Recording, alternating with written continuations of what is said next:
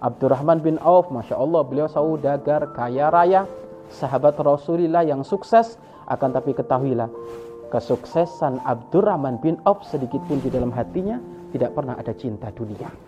Bahkan sampai disebutkan akhlaknya Abdurrahman bin Auf walaupun beliau adalah orang yang kaya raya, duitnya melimpah ruah, kebun kurmanya hektaran, akan tapi hampir hampir diketemukan dalam riwayat beliau itu Abdurrahman bin Auf adalah orang yang senantiasa berpuasa. Tidak pernah beliau melalui hari kecuali berpuasa beliau. Sampai suatu ketika diceritakan, ini ini kehebatan hatinya Abdurrahman bin Auf. Menunjukkan di dalam hatinya tidak ada dunia. Abdurrahman bin Auf setiap hari beliau berpuasa. Sehingga suatu ketika di saat beliau mau berbuka, tiba-tiba pembantunya datang menyodorkan makanan.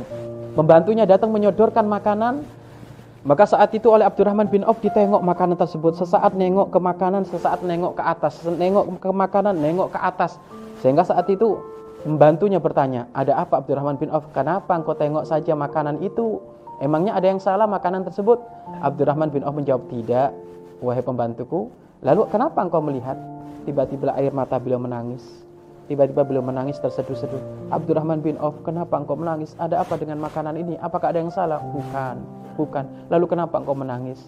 Hei, pembantuku, aku teringat salah satu sahabatku. Bahwasanya aku punya sahabat teman karib. Dia adalah orang miskin. Jangankan makan, jangankan minum, kehidupan dia serba kekurangan. Sedangkan aku dikasih oleh Allah kemudahan-kemudahan seperti ini.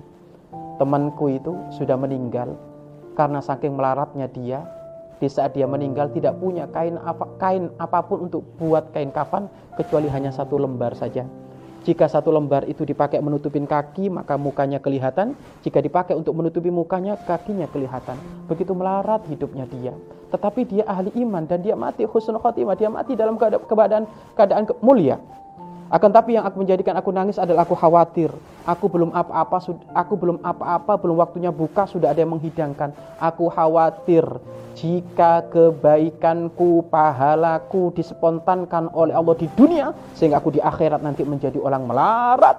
Makanya itulah yang menjadikan aku menangis. Maka seketika itu Abdurrahman bin Auf meninggalkan makanannya, kemudian lari ke masjid, banyak-banyak ibadah dan menangis ada di masjid. Abdurrahman bin Auf. Inilah seseorang yang tidak cinta dunia. Walaupun hidupnya bergelimbangan harta, tidak dikatakan orang yang tidak cinta dunia harus melarat. Oh tidak. Mungkin sekali di, kanan kirinya bergelimbangan harta, tapi harta tidak sedikit pun mempengaruhi isi hatinya karena isi hatinya sudah penuh dengan kepada Allah dan isi hatinya penuh dengan kecintaan, kecintaan kepada baginda Nabi Muhammad SAW.